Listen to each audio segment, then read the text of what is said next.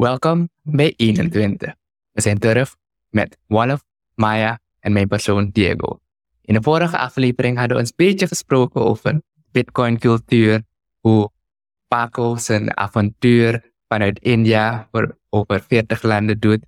En we spraken ook een beetje over circular economies, waarom dat zo belangrijk is, waarom dat innovatie stimuleert. En ik denk dat het heel goed is dat we in deze aflevering focussen op de verschillende projecten die op Bitcoin gedaan worden en wat voor impact het kan hebben op de samenleving. Deze aflevering van 21 is mogelijk gemaakt door AuroX. AuroX is een fintech-platform voor Latijns-Amerika en het Caribisch gebied. AuroX biedt de gemiddelde persoon de mogelijkheid om Bitcoin en Tether te verhandelen. Ga naar aurox.io om meer te weten. Nogmaals, O-U-R-O-X.io. aurox.io. Om gelijk erop in te gaan, wil ik het woord geven aan Maya.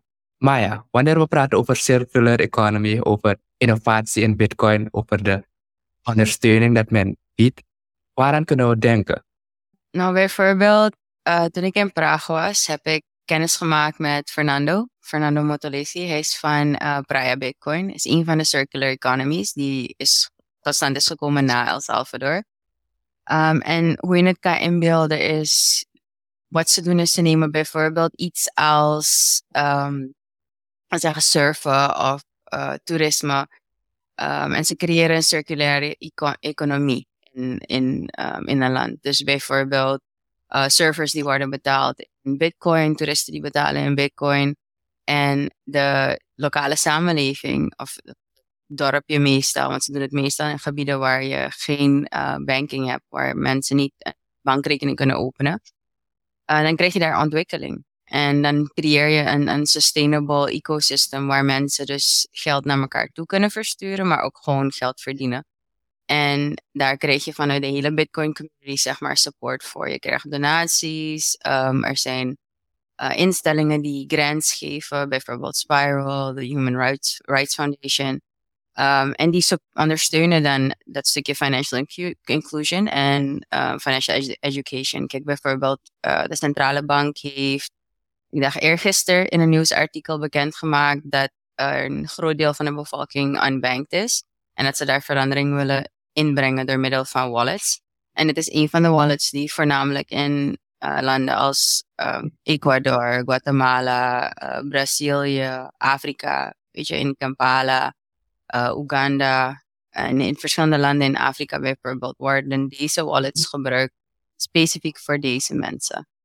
Voordat we verder gaan op de voorbeelden en de verschillende use cases, ook om financiële inclusie te bevorderen, wil ik toch Wolf weten, wanneer je het woord hoort circulaire economie, wat, wat versta je daaronder en hoe zie jij dat als, we, als je luistert naar de voorbeelden die Maya daar net heeft aangehaald?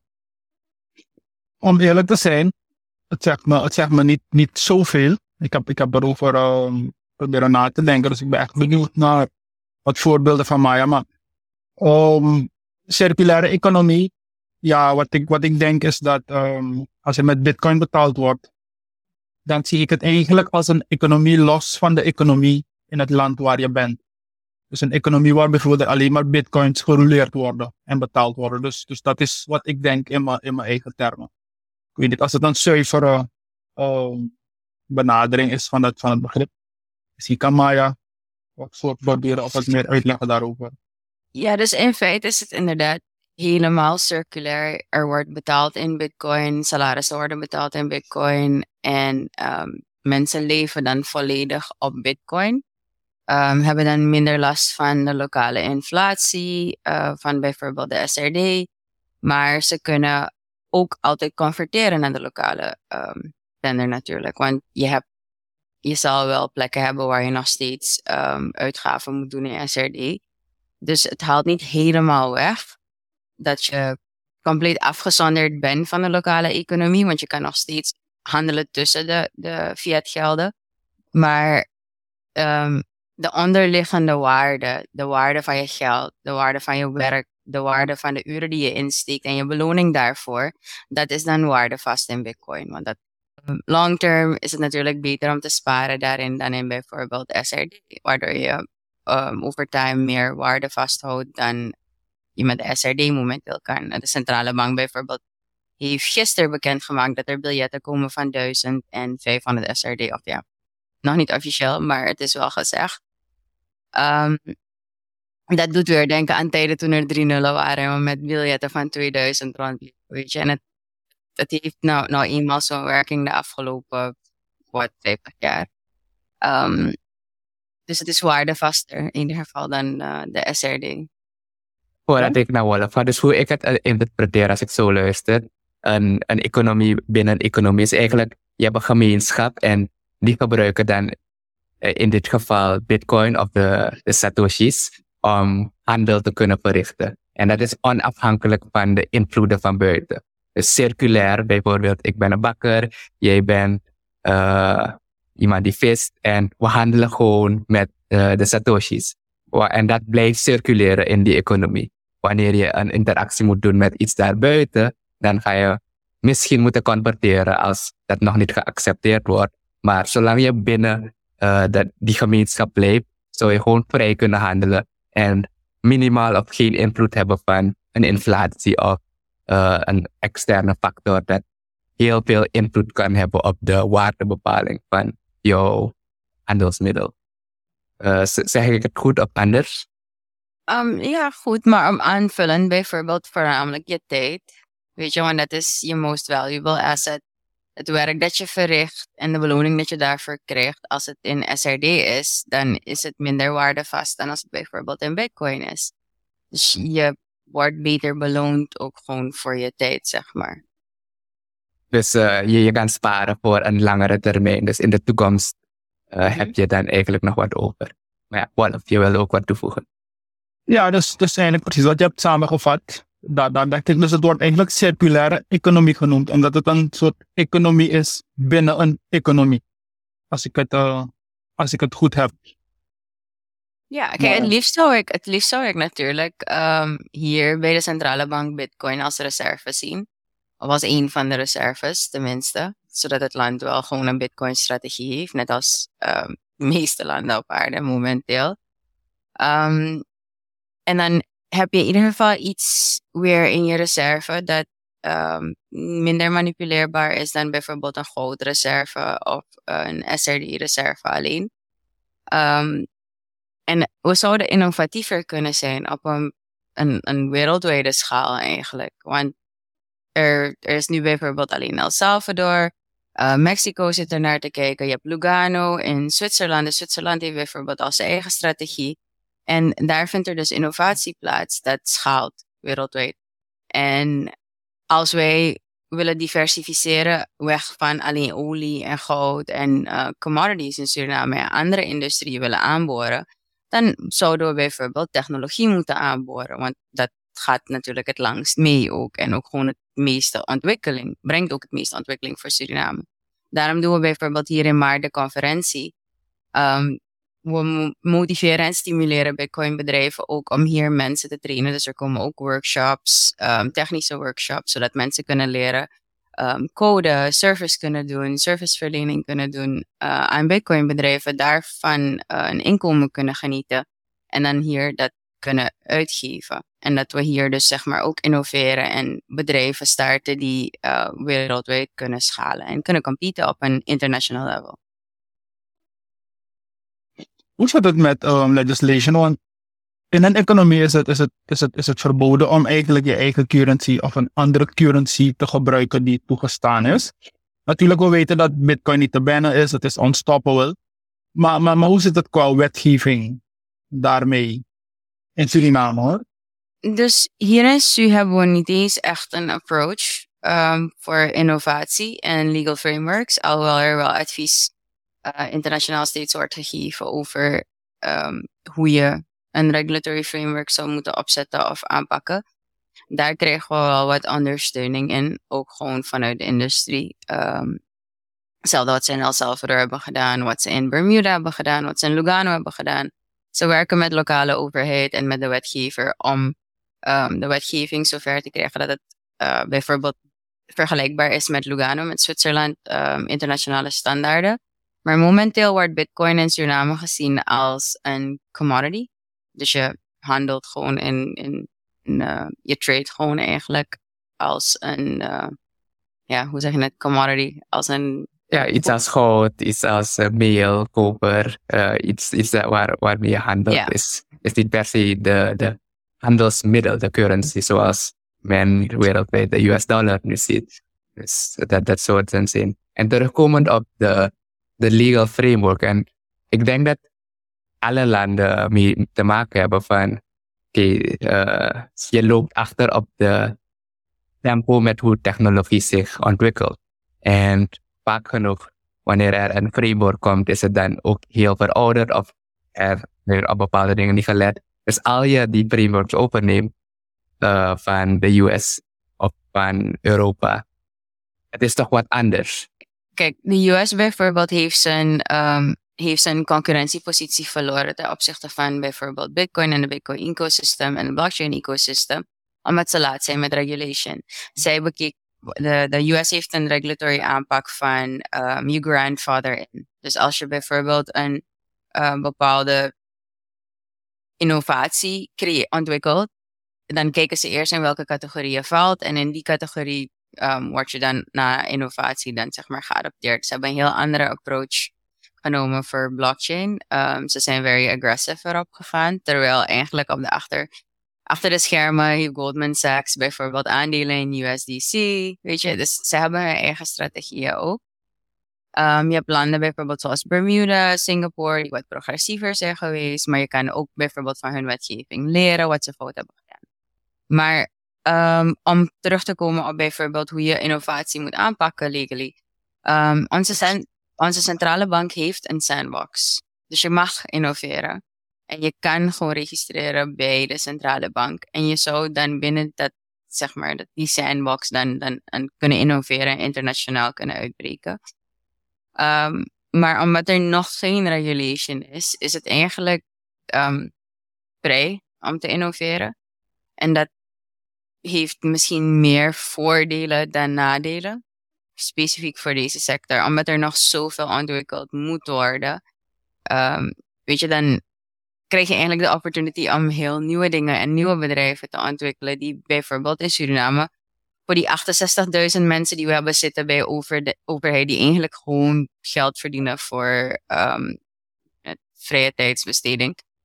Um, we zouden ons overheidsapparaat kunnen verkleinen en die mensen kunnen uh, ja, overzetten. Ja, opleiden of. Uh, om eigenlijk ze een andere rol geven. Om Precies, de in het economie te stimuleren. Precies, in de tech sector werken. En dan um, wordt het ook een export commodity, right? Services en diensten um, aanbieden, dollars of bitcoin daarvoor terugkrijgen. En dan uh, je lokale economie wat meer opbouwen. In plaats van steeds um, van de SRD te teren, waardoor SRD alleen maar steeds um, devalueert en afneemt in waarde, omdat er geen um, balans is tussen overuitgaven en inkomsten. Je gaf daar net aan, de centrale bank heeft een sandbox waar je eigenlijk zou kunnen innoveren. Hoe bekend is dat? Want ik, ik hoor af en toe dingen van de centrale bank, maar nu dat je dat, je dat specifiek aanhaalt, zit ik te denken, het is er, hoe bekend zijn bedrijven? Dat er een sandbox is en wat zijn de limitaties van die bedrijven? Nou, iedereen in de financiële sector weet in ieder geval dat die sandbox er is. Um, toen wij nog met de centrale bank um, heel nauw werkten, was het echt um, een van onze main doelen om dat voor elkaar te krijgen, zodat ik kon innoveren en zodat we in plaats van dat ik in Bermuda het bedrijf opricht, ik het is zou kunnen oprichten. En dat het, weet je, dat het kapitaal eigenlijk hier naartoe uh, kwam. Nu hebben we dat via Bermuda moeten doen. Um, maar het is een heel politiek ding bij de centrale bank. Um, omdat je, je hebt het stukje Uni5P en je hebt natuurlijk Mopay. En Mopay is van de Hakerenbank. Uni5P is van uh, ja, een combinatie Telesur en Southern Commercial. Um, beide politiek gelieerd. Ja, dan krijg je weinig ruimte voor innovatie als legacy incumbents. Dus als de, de bestaande orde of gevestigde orde um, macht kan uitoefenen over de uitvoering in een sandbox. Weet je, want dan heeft het niet echt zoveel zin voor een nieuwe wallet om te komen en, en zich te registreren als je gedwarsboomd wordt door, de twee bestaande wallets die er zijn. Het is geen vrije markt, echt. Ehm, geen vrije marktcompetitie ook gewoon mogelijk. En dat is jammer, want het, het belemmert innovatie en het zorgt ervoor dat ehm, je allerlei oefeningetjes hier krijgt um, waar ze gaan experimenteren met het ontwikkelen van een wallet, iets dat al langer dan 20 jaar bestaat, in plaats van echt innoveren. Dus ja, een beetje jammer, maar het is geen belemmering. Ik zat, ik zat ook te denken, na te denken over um, dat van Bitcoin. Misschien kan je daar ook op ingaan, want je maakt een opmerking voor ons gesprek, uh, Maya. Dat um, als, als er ook Bitcoin ge gebruikt wordt, dat die druk op de US-dollar ook, ook afneemt. Dus als het goed is dat bijvoorbeeld de Chinezen dan Bitcoin kunnen ontvangen en dat dan sturen naar, naar, naar China of de Brazilianen, zou je daar misschien op kunnen ingaan op hoe het eigenlijk de druk op de dollar zou kunnen verzachten. Met een, Ja, dus- circular economy en Bitcoin.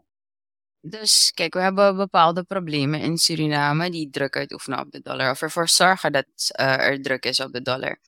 Ehm een van de grootste of een van de ehm, oorzaken is bijvoorbeeld eh, goud. Weet je, goud wordt ontgonnen, het wordt eh, verkocht voor US dollar cash. En vaak wordt of US dollar cash bewaard of het wordt het land uitgesluist naar Brazilië. Um, nu zijn er enkele bedrijven waar we mee samenwerken. Een van ze is heeft bijvoorbeeld PIX. Uh, PIX is het uh, Braziliaans centrale banksysteem. Straks kan je in Suriname dus gewoon heel makkelijk met je wallet een uh, betaling ontvangen. En dan gewoon in plaats van US dollars hier te moeten kopen en het wegsmokkelen in cash, kan je gewoon in real betalen met PIX. Dat, is, dat zal dus wat, wat verlichting brengen. Ik hoop wat, wat minder druk op um, hoeveelheid USD die we hier in omloop hebben. En een andere is ook gewoon een hedge. Weet je, mensen willen sparen in iets dat waardevast is. Mensen willen sparen in iets dat, um, dat stabieler is dan de SRD. En nu bestaat het idee dat dat de dollar is. Maar als je kijkt naar de dollar, de dollar heeft ook behoorlijk wat inflatie gehad de afgelopen twee jaren, weet je. En um, het hoeveelheid dollar dat in omloop is. Um, de Amerikaanse overheid heeft net een downrating gehad, which is historical.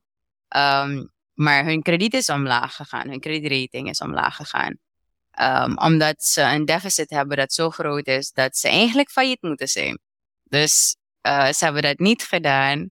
Maar hoeveel vertrouwen heb je dan in eigenlijk iets als een dollar, dat nog steeds beheerd wordt door de, de Fed. Um, en je hebt bijvoorbeeld ook gewoon Tether. Um, het is uh, nog steeds geen Bitcoin, maar een, een reasonable medium om uh, zeg maar te overbruggen. Ja, een, tuss een tussenbrug. Ja, een, tussenbrug. nou ja, om tijdelijk de, de, de, de rol te vervullen uh, om, om mensen makkelijker in te leiden naar de Bitcoin. hyper-Bitcoinization. Precies. Ja, kijk, en kijk, Maxi's gaan me waarschijnlijk doodmaken voor deze, maar um, ja, kijk, weet je, in Su bijvoorbeeld, ik, ik, heb, ik zie heel graag Bitcoin als legal tender, dat is één. Um, ik zie het heel graag bij de centrale bank als reserve. En dat ze inderdaad beginnen te denken aan een strategie en um, hoe ze eigenlijk een beetje voor kunnen zijn op andere landen die al een grote reserve hebben. Um, en dat de legal framework er komt. Maar ja, kijk, als je gemiddeld tussen de 150 of 300 dollar per maand verdient en de prijs gaat met, keldert met 10% of 20% omlaag, niemand wil daarover praten. Maar dat is wel echt een, een belemmering voor iemand in Suriname, weet om 10 tot 20% van je, van je spaargeld gewoon, gewoon kwijt te raken. Over time is het natuurlijk meer waard, want het rebound, dat weten we allemaal. En het gaat uh, voor de helving van volgend jaar gaat het zeker weer uh, richting 100k. Maar je kan niet speculeren met je inkomen. Je kan niet speculeren met, met je huis en je familie en het eten dat je op tafel moet zetten. Dus een paar dollars maakt voor de gemiddelde Surinamer veel uit. En uh, Blink heeft dat bijvoorbeeld door middel met, uh, van gebruik van stable sets opgelost. Um, maar ja, stable sets worden ook verhandeld op OKEX. Dus het is weet je, het is het een of het ander. Je kan Tether gebruiken in the meantime, of je kan um, Blink gebruiken met stable sets als je wat stabiliteit wilt behouden. Je haalt een heel belangrijk punt daar aan, Maya. Van als je maar een 150 tot 300 uh, per maand verdient, en dat is je eigenlijk de, waarmee je het moet doen, waarmee je het overleven. En daarmee moet je kunnen plannen. En het zijn eigenlijk op korte termijn uitgaven die je moet uh, voldoen. Je rekeningen moet je kunnen betalen. En als je op een gegeven moment plotseling 20% minder aan waarde hebt, kan je je rekening voor de maand even niet betalen omdat de, de markt heeft bepaalde die dag even moet uh, kelderen.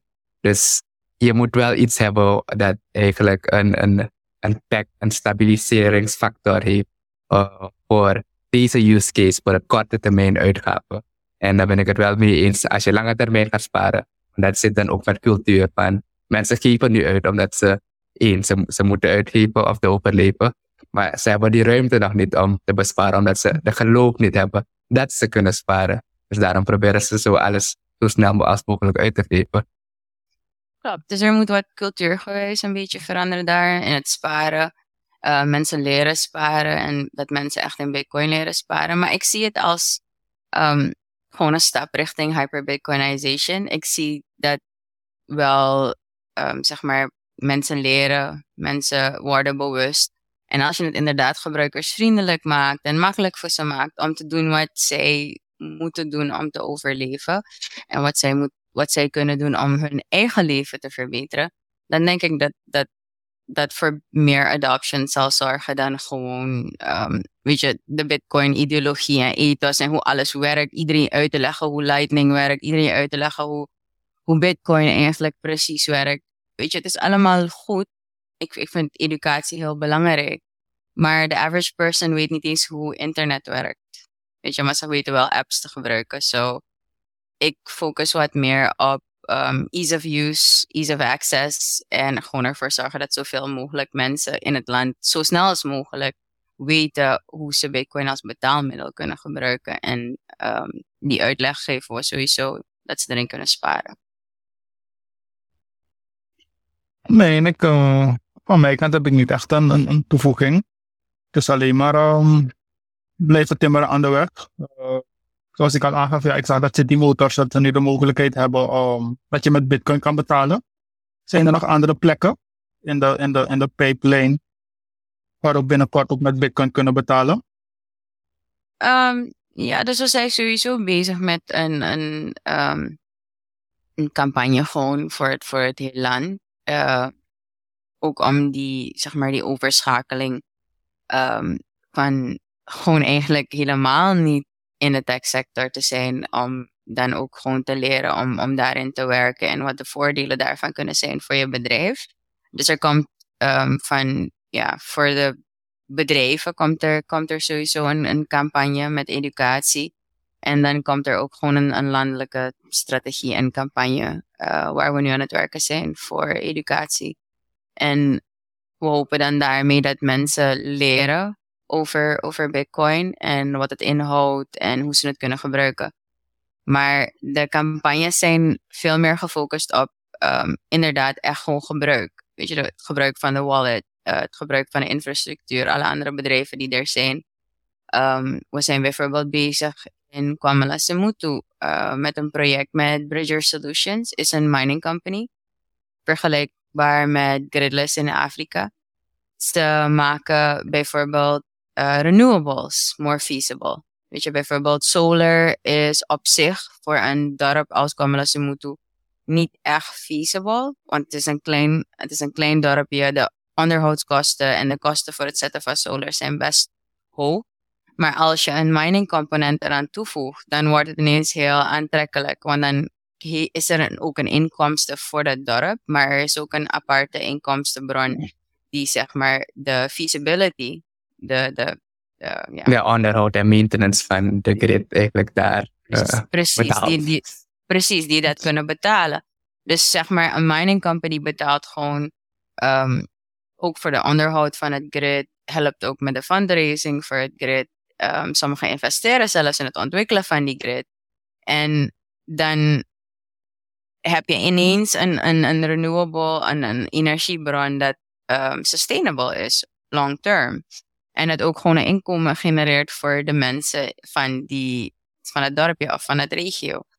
Dus we zijn daar bezig en ook daar met een zeg maar educatieve programma dat ze leren um, met die wallets werken. Want het kostte bijvoorbeeld 8000 SRD om naar de stad te gaan.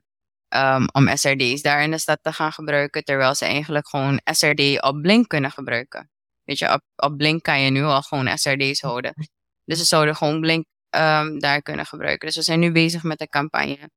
Um, en een project specifiek voor daar om ze te ontsluiten. Waardoor ze gewoon makkelijk geld SRD's naar de stad kunnen sturen, SRD's naar elkaar kunnen sturen en SRD's kunnen uitgeven in een winkel. En van daaruit um, hopen we dan ook dus dat de andere dorpen dan mee beginnen te doen. Want kwam ze moeten zeg maar um, de hoofddorp waar de meeste mensen wonen. En dan van daaruit uh, dat het spreidt naar die andere dorpen. En we focussen ook een beetje op de districten. Weet je, overal waar het een beetje moeilijk is om geld te sturen naar de stad of geld te sturen naar elkaar. Um, en dat je minder afhankelijk bent van ATM. Um, dat je niet steeds cash kan halen, wat ook ongevaarlijk is. Maar dat je gewoon makkelijk digitaal geld naar elkaar kan sturen. SRD's naar elkaar kan sturen. Inderdaad, het digitaal sturen. Eigenlijk, het gaat ook om veiligheid en het gaat ook om je logistieke druk te verminderen. Zolang het niet fysiek moet. Als je moet vliegen, als je moet rijden, als je moet lopen naar een ATM. Het ja. is al energie, dat, het is al een uitgave dat speelt. Terwijl als het gewoon digitaal kan. En om je uiteindelijke transactie te doen, moet het kunnen. Dus ik wil dan toch aan Walle vragen om ons af te sluiten met vanuit de user, vanuit een, een bedrijf, vanuit de gemiddelde gebruiker. Waarom zouden we moeten denken en waarom zou een gemiddelde persoon zijn armen open moeten houden om dit eigenlijk een open mind te hebben? Zou je de, ons daarmee willen afsluiten, Wolf? Ja, um, ik, ik vond het een mooi voorbeeld van Maya. Uh, want vaak genoeg hoor je dat, um, als ik ook in discussies ben, dat ja, Bitcoin, het is, het is te complex, mensen begrijpen het niet, blockchain, de technologie. Maar eigenlijk, als je naar WhatsApp kijkt, haal ik dat voorbeeld vaak aan heleboel mensen gebruiken WhatsApp. Ook een tante van me die 80 jaar is gebruikt WhatsApp nu. Maar de onderliggende infrastructuurlaag begreep ze niet. Ze snapt het niet. Ze hoeft het ook niet te snappen, maar ze moet gewoon WhatsApp kunnen gebruiken. Dus um, ik denk dat het, dat het goed is dat de strategie uitgezet wordt om eigenlijk gewoon de use cases van, van Bitcoin makkelijker te maken. Dus dat, je, dat er plekken geïdentificeerd worden waarmee je met Bitcoin kan betalen. Dat mensen zien hoe makkelijk het is om eigenlijk een wallet te downloaden zonder een account aan te maken. Dat je eigenlijk al gewoon Bitcoin kan ontvangen en Bitcoin kan versturen. Je hebt geen ID-kaart nodig. Um, je hebt geen KYC nodig. Dus het is heel simpel. Binnen een paar klikken heb je je wallet. Je kan Bitcoins ontvangen en je kan Bitcoins versturen. Dus ik denk dat als dat soort use cases meer gepresenteerd worden aan de mensen, ze er meer familiar mee gemaakt worden, dat de adoptie wel uh, gaat komen. ik denk vanuit ons ook als die al erin zijn, gewoon vragen van accepteer je hier bitcoin? Of als een klant binnenkomt, we accepteren ook bitcoin. Gewoon die optie alvast aanhalen. Gewoon dat het blijft rinkelen in hun gedachten. En als ze niet betalen of als ze het op dat moment niet accepteren, het idee begint te lopen bij ze van. En als ze het vaker horen, dan denk ik dat die adoptie er gaat komen. En als die use cases gezien worden van, hey, in een dorp zoals Kwammerus werkt het, dat het zeker sneller geadopteerd gaat worden. Maar met dat gezegd te hebben, dit was een aflevering van 21, waar het gaat over circulaire economie en ook de adoptie van Bitcoin. Dus we kijken uit naar de volgende aflevering. Tot de volgende keer. Doei!